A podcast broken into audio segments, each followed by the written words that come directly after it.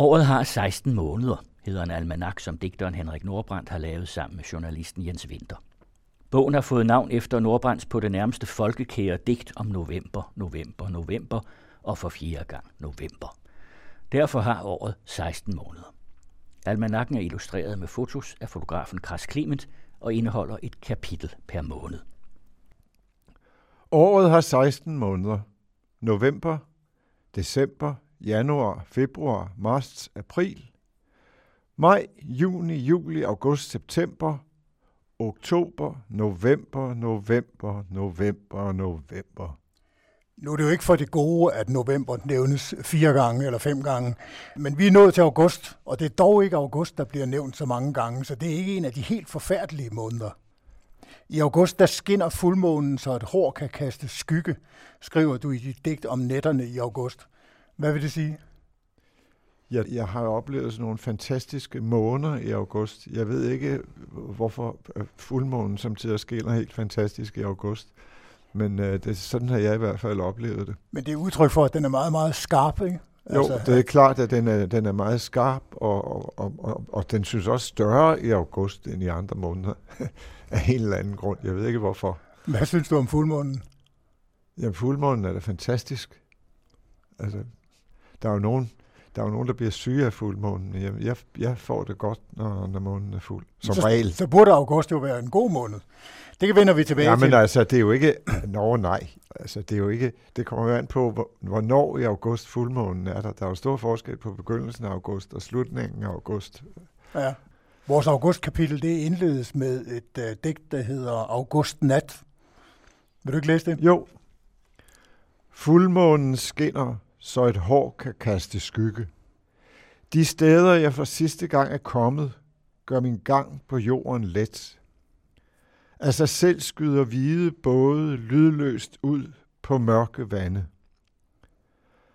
Andre steder skal jeg gense med et ændret blik, så labyrintens celler atter spaltes, spejlvender kontinenter og spoler brede floder op. Minotaurus stanger blændet, den flade slette under middagstimens høje lys. Den del af stjernehimlens gåde, havet ikke spejler, beholder ørkenen som sit gissel. Over sandet bar jeg lidt vand, siden sand over vandet. August måned er ikke nogen god måned for dig, vel? Ej, det er en meget foruroligende måned, synes jeg.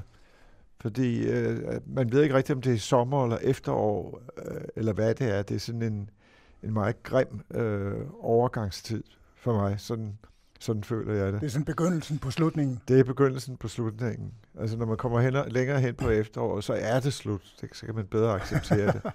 August er afklaringens måned, siger du. Hvordan skal det forstås? Jo, det er afklaring på den måde, at nu, nu man må indse, at nu er det slut, at, at sommeren er slut, der, der er ikke noget at gøre. Man hager sig jo alligevel fast i de sidste rester af, af det, der er ved at forsvinde. Ikke? I, det er i det, vores, der er så ubehageligt. Ja, I vores snak om august, der siger du dog også, at i august der kastes, kastes der skygger både når solen og når månen skinner. Skygger, som ikke findes om sommeren. Det er slut med uroen fra de lyse nætter. Hvad er det for en ro, du oplever i august? Jamen, det er jo rigtigt nok. Jamen, det er mest i begyndelsen af august. Altså, når de, når de, når de lyse nætter er slut, så, så kommer der lidt ro over foretagendet. Men den, den varer ikke så længe, den ro. Fordi så, så, så kommer uroligheden ved, at, ja. at det hele er ved at gå i opløsning. Men altså lige den overgang, hvor, hvor man oplever, at nu er nætterne blevet mørke igen, det kan jeg meget godt lide, fordi, fordi de lyse nætter er meget urolige. Men skyggerne så. betyder meget. Hvad er det, de betyder? Jamen altså, skyggerne symboliserer jo på en eller anden måde, eller man oplever det som det er noget fra, fra underverdenen eller fra en anden verden, der manifesterer sig. Det er ikke sådan, at skyggerne det er ens egne dårlige sider? Jo, det er det sikkert også.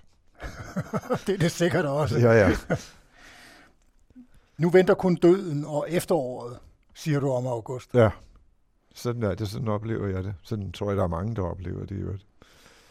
Og så meget passende, så har vi besluttet, at det overordnede uh, tema for august måned, det var spøgelser. Ja. Hvorfor det? Øh, jamen altså, der, jamen netop fordi det er, er det, det er sådan, august er sådan dødens måned, det er der døden begynder, kan man sige. Det er der underverdenen begynder at kaste sine, sine skygger. Og, og, og spøgelser, de er jo en slags uh, skygger fra underverdenen. Måske. Jeg, jeg ved ikke, hvad de er. Men, uh, det skal vi snakke videre om, for ja. du har det faktisk ikke så dårligt med spøgelser.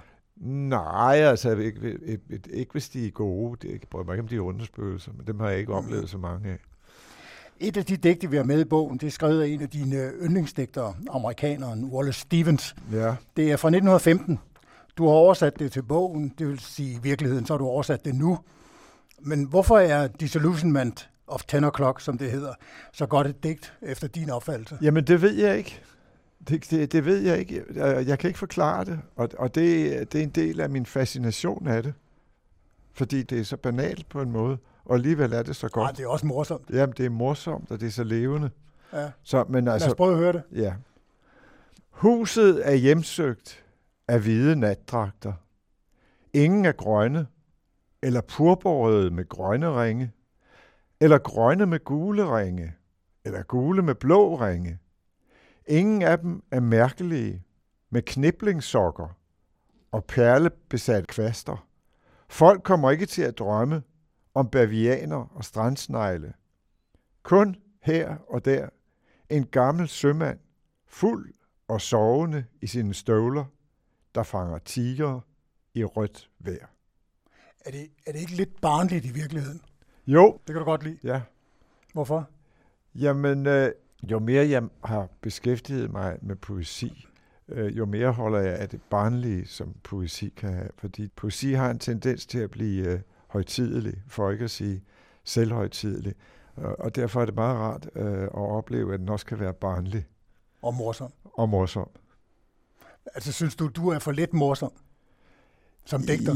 Ja, altså det synes jeg på, på, på en gamle dag, synes jeg måske, jeg har været for lidt morsom, fordi da jeg var ung, der tog jeg det meget højtidligt, det hele, ikke? Eller jeg tog digtning meget højtidligt, eller poesien meget højtidligt. Ja, det var en alvorlig sag. Ja, det må jeg jo have gjort, men altså samtidig med, så et af de første digte, jeg nogensinde har læst, som sagde mig noget, det var det der, jeg lige har læst op. Så jeg, jeg, alligevel har jeg hele tiden haft øje eller øre for, for det morsomme. Øh, så har... inden, inden i den alvorlige digter, der gemmer der sig et stort legebarn. Ja, altså jeg har jo også altid kunne lide Halvdan Rasmussen, og synes, mm. han var fantastisk. Og jeg har også altid synes, at han måske var lidt, blev lidt, uh, lidt, lidt overset i, i det fine litterære selskab, at man godt kunne have taget ham mere alvorligt. Så på den måde er, er det egentlig ikke, fordi jeg har, jeg har ændret mig, men jeg, det kan være, at jeg, jeg er begyndt at tage min egen uh, barnlighed mere seriøst, for at sige det på den måde. Altså huset er hjemsøgt af hvide natdragter, hedder det i digtet. Ja. Hvad vil det sige? Jamen, det kan man jo se for sig.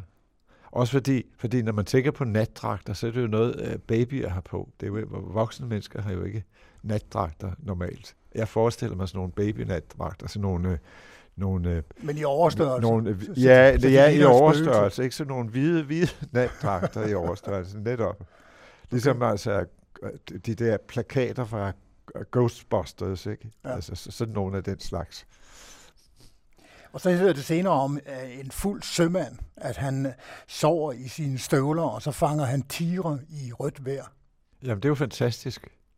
Det var, det var igen et, et fantastisk billede, fordi det er, så, det, er så, det er så usædvanligt, og samtidig med, at det er så fuldstændig tydeligt, man kan se det for sig. Hvis han er så fuld, så kan han jo ikke fange en tiger. Er jeg for kedelig nu? Men, nej, men, nej, er jeg for altså, kedelig nu, vil jeg spørge det, det ved jeg ikke, det ved jeg ikke, men altså, han tror vel, han fanger tiger. Altså, når man er fuld, oh, ja. når man er fuld kan man jo ordne alle mulige ting. Ikke? Altså, det har mange af os i hvert fald prøvet en gang imellem. Så, og, og rødt vejr, hvad er det? Jamen, det er rødt vejr. Mm-hmm. Det er rødt vejr. Altså, det, det er jo postulat, men det er det, der er så, det er det, der er så flot du har sagt, at Wallace Stevens han på det nærmeste ændrede dit syn på poesi.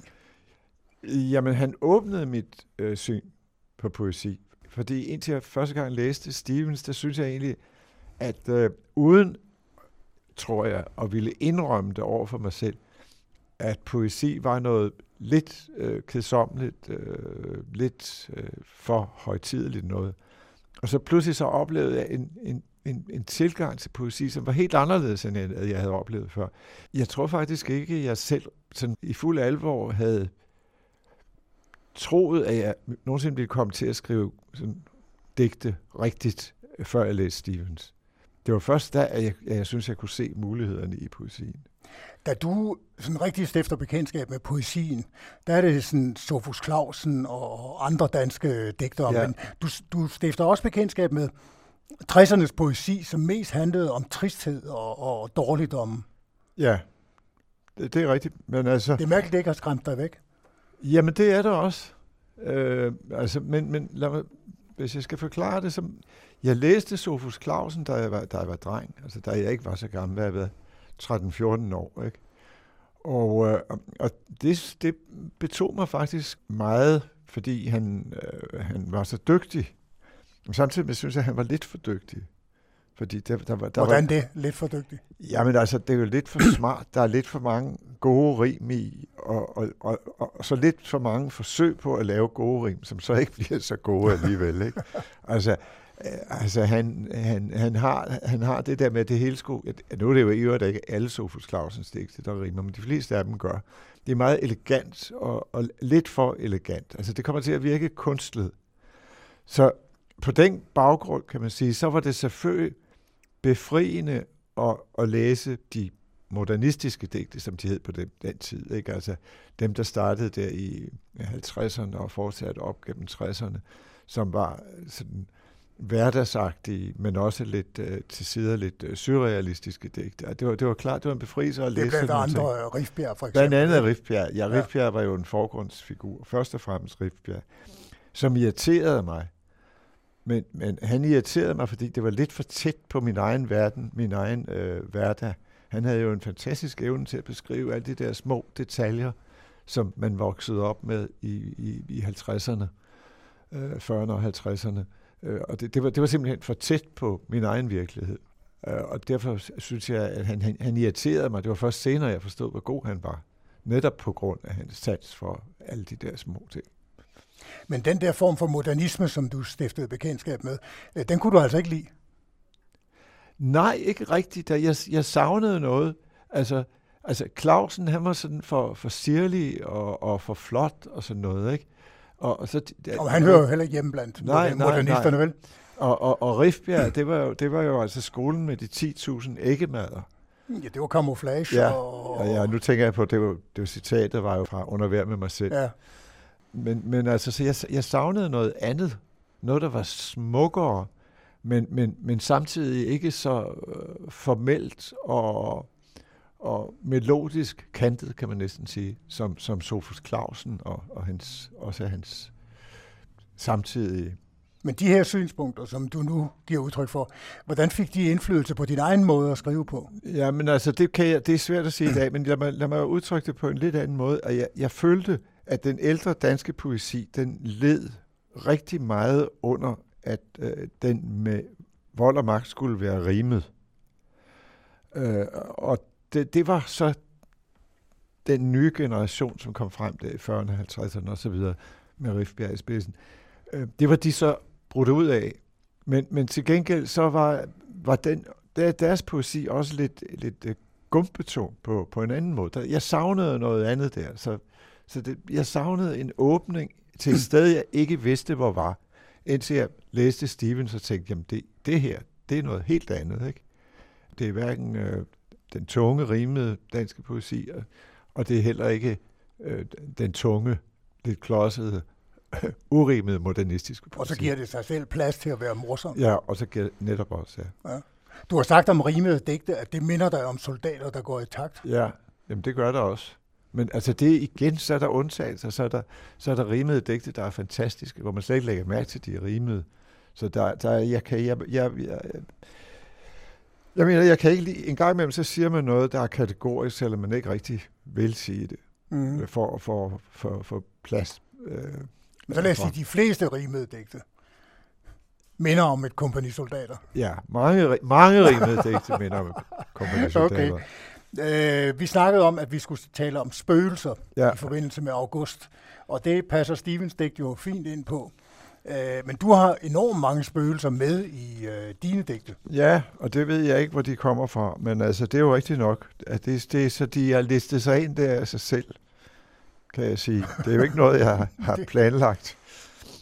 Ja, det er det vel. Så og så, eller hvad? Nej, fordi det, jeg aldrig sat mig ned og, og tænkte, nu vil jeg skrive et spøgelsesdigt. Men pludselig har de været der. Altså, jeg har jo været på spøgelsesslottet, men jeg har aldrig set et spøgelse på et spøgelseslot. De spøgelser, jeg har set, det er nogen, der er kommet helt af sig selv, uimbut. Du påstår så... jo, at du ser spøgelser ved højlysdag. Nej, ikke, ikke så mange.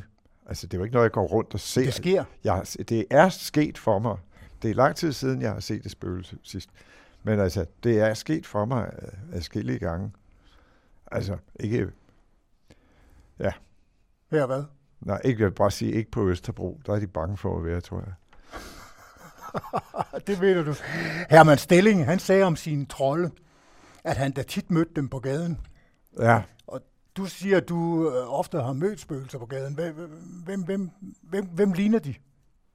Jamen, de ligner jo ikke, de ligner jo ikke noget. Altså, det er jo ikke til at sige. Det er jo det, der er det mærkelige. Man kan jo ikke, man kan jo ikke få hold på dem, vel? Altså, Herman Stilling, han kunne jo ikke lide at spørge, om de var trolde, fordi så ville de jo lyve, siger han, og sige, at de ikke var trolde. Ikke? Men altså, jeg har aldrig været så tæt på et spøgelse, at jeg kunne spørge dem, om det var et spøgelse. Altså, så livagtige er de heller ikke. Så vil jeg jo ikke kunne se, at det var et spøgelse, vel? Så vil der heller ikke være nogen grund til at spørge. Men det døde så. mennesker, der optræder som Jamen, spøgelse? det ved jeg ikke. Jeg kender dem jo ikke. Det er jo lige det, jeg sidder og siger, at jeg kender dem ikke. Så jeg ved ikke, hvad, hvad de er. Men jeg, man kan jo prøve at komme med en forklaring, som man selvfølgelig så godt ved er forkert. Ja. Så det er jo det, jeg har gjort i det her digt, ikke? Du har faktisk oplevet spøgelser i et sommerhus på Falster. Ja, det var rigtig nok. Det var min, mine bedsteforældres sommerhus, som siden blev mine forældre, mine bedsteforældre døde. Der opholdt jeg mig et efterår, jeg tror det var november, eller, eller måske begyndelsen af december. Jeg var fuldstændig klar i hovedet. Uh, en aften, så pludselig gik der, så kom der sådan en grå skikkelse gående gennem huset. Det, det kom ud af den ene væg og gik ind i den anden væg. Og altså så, den klassiske opførsel? Den fuldstændig klassiske. Jeg var, det var lige før, der, det var ikke særlig skræmmende. Det var lige før, jeg begyndte at grine. Fordi jeg tænkte, at det, det var et spøgelse, og det opfører sig fuldstændig som et spøgelse. Skal. Skal. Ikke? Så ja. det, det synes jeg var meget sjovt. Ikke? Men altså må jeg indrømme, så blev det ved, fordi det, det var ikke bare én gang, at det gjorde det der, fordi så kom det jo igen øh, gentagende gange. Ikke? Øh, og der var også sådan nogle bankeløde, øh, der bankede på døren, og man lukkede op, så var der ikke nogen, ikke engang et spøgelse. Så da der var gået en uge, så rejste jeg altså, fordi det, det, det, det blev lidt irriterende. Blev du bange? Nej, jeg blev ikke, jeg blev ikke bange som sådan, men jeg, jeg blev lidt utilpas, vil jeg sige. Men så viste det sig jo, at der, der var en periode på to år, fordi vi var jo, der var flere i familien, og andre mennesker brugte sommerhuset. Men der var en periode, øh, hvor ingen brugte sommerhuset. Der, ville ingen, der var ingen, der ville derned. Og de havde alle mulige undskyldninger. Øh, der var jo ingen, der indrømmede, at de ikke ville ned, fordi de havde set et spøgelse. Fordi det var jo en, ras, en, øh, en rationel familie, så spøgelser fandtes ikke. Så derfor ville de ikke indrømme det. Det var først mange år senere, da vi kom til at snakke om det, da huset igen var blevet beboeligt. Fordi spøgelset var rejst til, til et andet hus, hvor der, der var sjovere at være. Eller... Rejser de videre, spøgelser? Altså, det, det kan de vist nok. Altså, hvis, hvis de kan rejse, det ved jeg jo ikke, om de kan, vel? Men ifølge beretninger om spøgelser, så kan de rejse, og de, de bliver restløse, ligesom jeg bliver restløs. Ikke? Du boede mange år i Tyrkiet, og øh, blandt andet boede du i en by, der hedder Bodrum, ja. som ligger ud mod det Ægæiske hav, ja. altså mod vest. Og der oplevede du faktisk en spøgelseshistorie en aften. jeg ved ikke, om det var en spøgelseshistorie, men det var en mærkelig historie. Jeg sad på en café, og så kom der en bil kørende, en stor amerikansk bil kørende, som så meget mærkelig ud. Og der stod nogle mennesker i den, der så meget mærkelige ud. De hørte overhovedet ikke til der. På det tidspunkt af aftenen, der var trafikken altid meget tæt. Og det var der også her. Det gik meget langsomt, så jeg kunne se bilen i ret lang tid. Ikke? Men så skete der det. Altså, jeg kørte jo selv i bil der, og, og, og jeg vidste, hvordan trafikken var. At øh, hvis man så skulle køre det samme sted igen, så ville det tage mindst 20 minutter at køre udenom. Ikke? Men da det var gået tre minutter eller sådan noget, så kom bilen tilbage. Hvad satte det i gang i dig? Jamen, det sagde, det, det er jo umuligt Og jeg, jeg havde kigget på mit ur, jeg tænkte, øh, det, min første tanke var, det er noget, jeg bilder mig ind, eller sådan noget. Det, det var det ikke. Jeg sad og kiggede på mit ur. Jeg tror, jeg ventede på nogen eller sådan noget, så jeg havde fuldstændig tjek på tiden. Så der var altså gået de der tre, muligvis fem minutter. Men altså, den bil, den kunne ikke komme rundt på, på mindre end 20 minutter, det der sted. Det var totalt umuligt.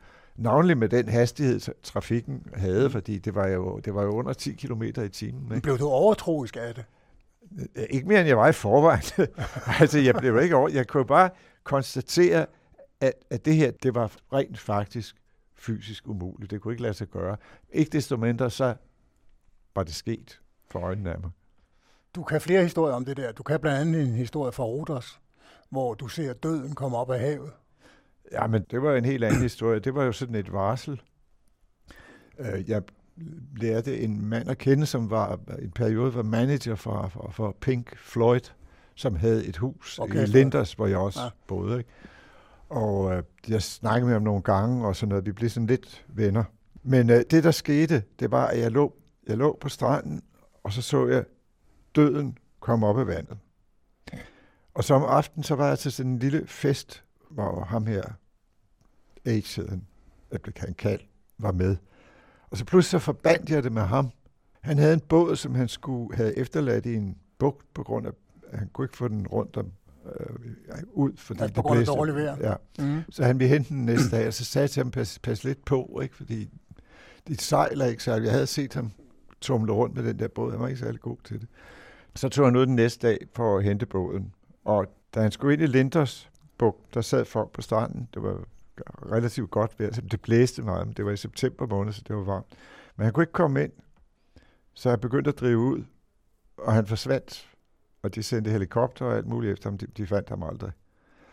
Men altså, det mærkelige var, at jeg, jeg sad der på stranden ind, i dagen før jeg havde set på stranden, og jeg så døden komme op i vandet med, med det var sådan et skelet med, med, med udstyret med le og, og hele, hele udstyret, ja. ikke? Det var ligesom, hvis du havde set uh, general MacArthur med to revolver. To revolver. ja, ja. Og så sagde jeg det, fordi jeg lå på stranden sammen med nogle venner, og så sagde jeg, hej, jeg, jeg lige set døden komme op af vandet her. Så, det var der sket. Så I noget, fordi den kom lige der, ikke? ja, ja. Eller alvorlig snak. Når du, når du ser sådan nogle ting, og oplever sådan nogle ting, hvad er det så udtryk for? Er Jamen, det udtryk for, at du oplever en anden tid, eller, eller hvad? Jamen, det ved jeg ikke, og, og de, men jeg går heller ikke særlig meget op i det. Altså, der er jo nogle mennesker, som har sådan nogle oplevelser, som bliver religiøse, eller, eller ja. får en guru og spiser mærkelige ting og sådan noget, ikke? Altså, det, det hænder ikke for mig. Jeg, kan, jeg tager det bare som en, som en oplevelse, ikke? Jeg mener, jamen, der er også mange, man oplever mange mærkelige ting, som ikke har noget som helst med, med spøgelser at gøre. Så altså, Nej, øh, men er det sådan en, en, oplever du tiden, der krydser sig selv, eller sådan et eller? Man kan godt få en fornemmelse af, at det er tiden, der krydser sig selv. Men mere ved jeg ikke, fordi jeg, jeg, jeg tillægger ikke de oplevelser særlig stor betydning. Altså, det er den verden, vi lever i. Der er der mange ting, der betyder meget, meget mere end, end, end øh, altså... Jo, men det må ja. jo alligevel gøre, at du, at du oplever, at der er mere mellem himmel og jord, end man skulle tro. Jamen, det tror jeg, der er. Men hvad det er, det ved jeg ikke. Men, men altså, det er jo ikke så mærkeligt. Altså, når tænker på, hvordan videnskaben hele tiden udvider sit øh, område. Ikke? Altså, ja. For 100 år siden, der snakkede man ikke om sorte huller. Man vidste ikke, de eksisterede, vel? men øh, nu retter man med, at der er nogle sorte huller. Ikke? Og der er måske også andre huller, som ikke er sorte. Men, det, men hvad det er, det ved jeg ikke. Du har et digt, der hedder Genfærd. Skal vi ikke ja, høre det? Jo. De døde ved det naturligvis ikke. Men vi, de levende, ved, at de døde går igen.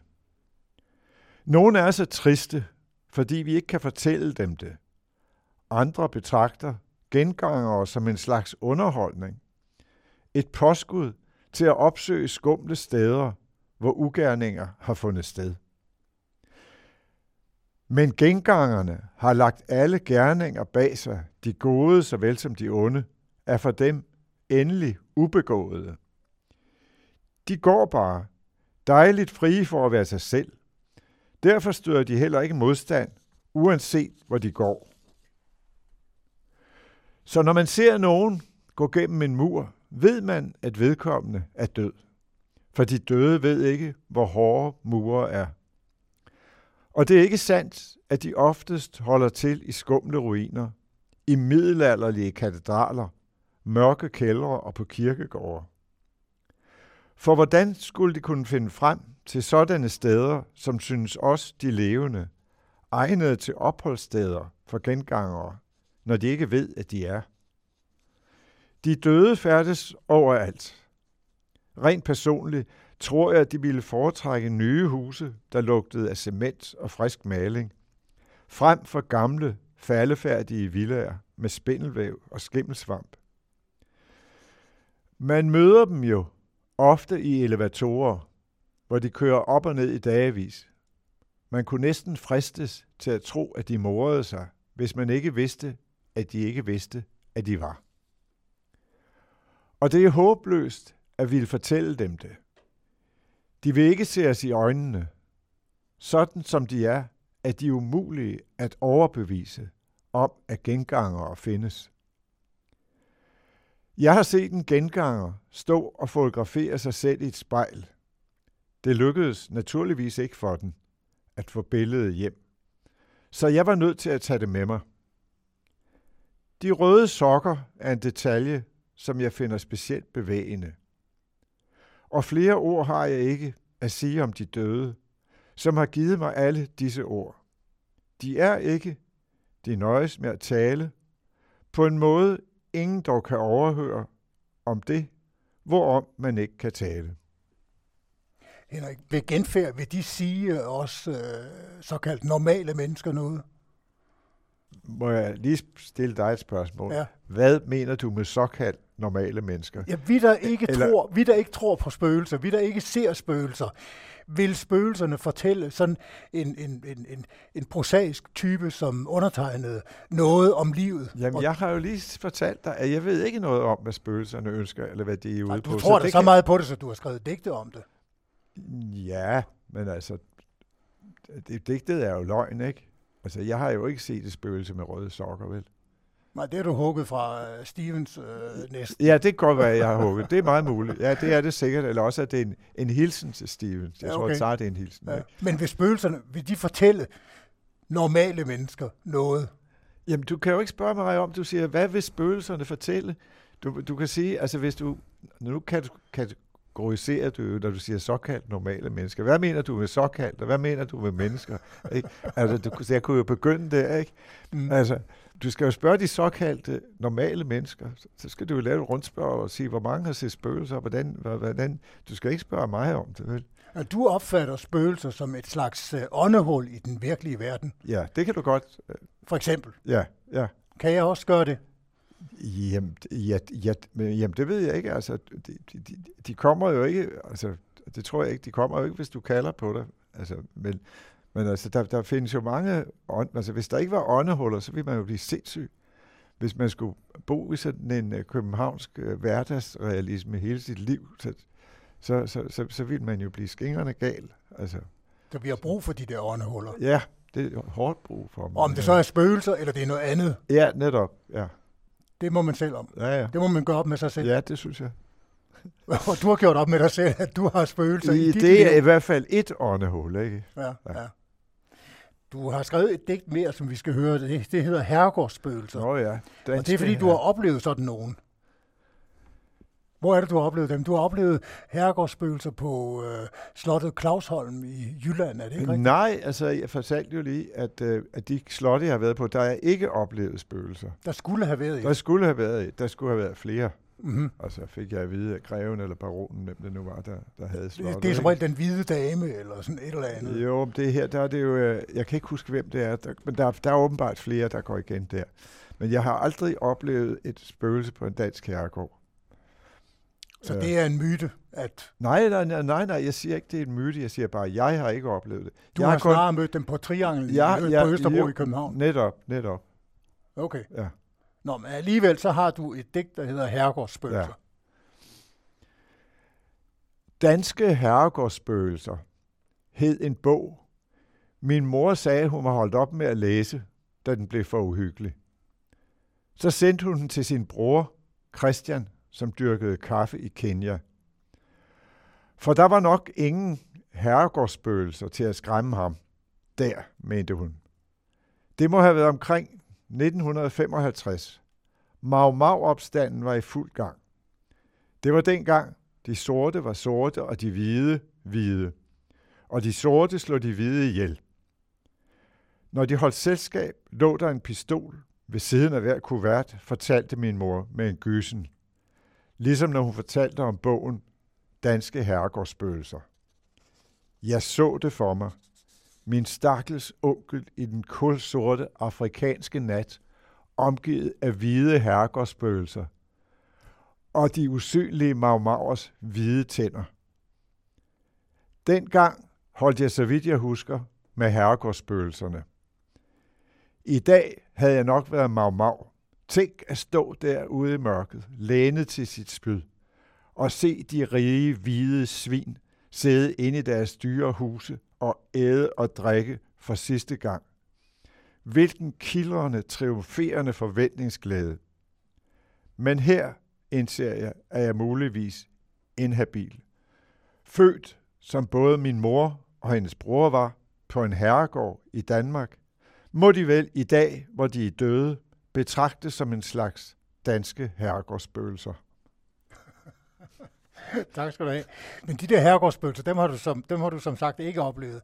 I dæksamlingen Hånden Skælven i november, som er, er den, hvor startdigtet kommer fra, der skriver du om en datamat, at det er et spøgelse, der er fanget, hjernevasket, programmeret og spærret inde. Er det det værst tænkelige for et spøgelse, det at være spærret inde? Ja, det må ikke være sjovt at det jeg tror, det må være noget af det værste for et spøgelse. Men, men, men når, når jeg skriver det der, så er det jo fordi, at jeg, jeg forstår ikke spøgelser. Jeg forstår heller ikke datamater eller, eller computer, ret som man jo siger i dag. Øh, jeg, jeg forstår ingen af delene, så for mig, er, så for mig er en computer også et slags spøgelse. Fordi det, den gør, det er fuldstændig uforståeligt. Men samtidig med, så er der jo nogen, der forstår det fuldstændigt. Det vil sige, det er spærret ind. Så, så det er en computer for mig et indespærret spøgelse. Og dem, der forstår det fuldstændigt, de, de opfatter det ikke som et spøgelse. Nej, nej, det er klart. Det er klart. Vores augustkapitel, det slutter med et digt om døden på banegården og spøgelseshuset ude i skoven. Nå, ja, der... I ved om, hvorvidt det sidste tog er gået eller ej. Lad os slutte af med det. Ejet spøgelse. Lyset fra sengelampen, jeg havde glemt at slukke, vækkede mig langt ude i skoven. Sikke et spøgelseshus, sagde jeg højt, selvom jeg var alene, og huset desuden var mit. Jeg listede mig rundt om det, men tog ikke gå ind. Det lykkedes mig at stave mig tilbage gennem de tornede krat til det sted i bogen, hvor jeg var faldet i søvn, og toget til Indien skulle ankomme. Men fordi konsonanterne således var blevet revet ud af mit navn, kom jeg til den forkerte station. På en bænk på perronen sad en person, der viste sig at være døden, ved den måde han løftede sit rødvinsglas mod månen på. Det sidste tog var endnu ikke gået, sagde han. Det ved vi om. Og til min store overraskelse vandt jeg, så jeg siden ikke har kunnet falde i søvn igen. Og det var digteren Henrik Nordbrand, der sagde det. Jens Winter havde tilrettelagt.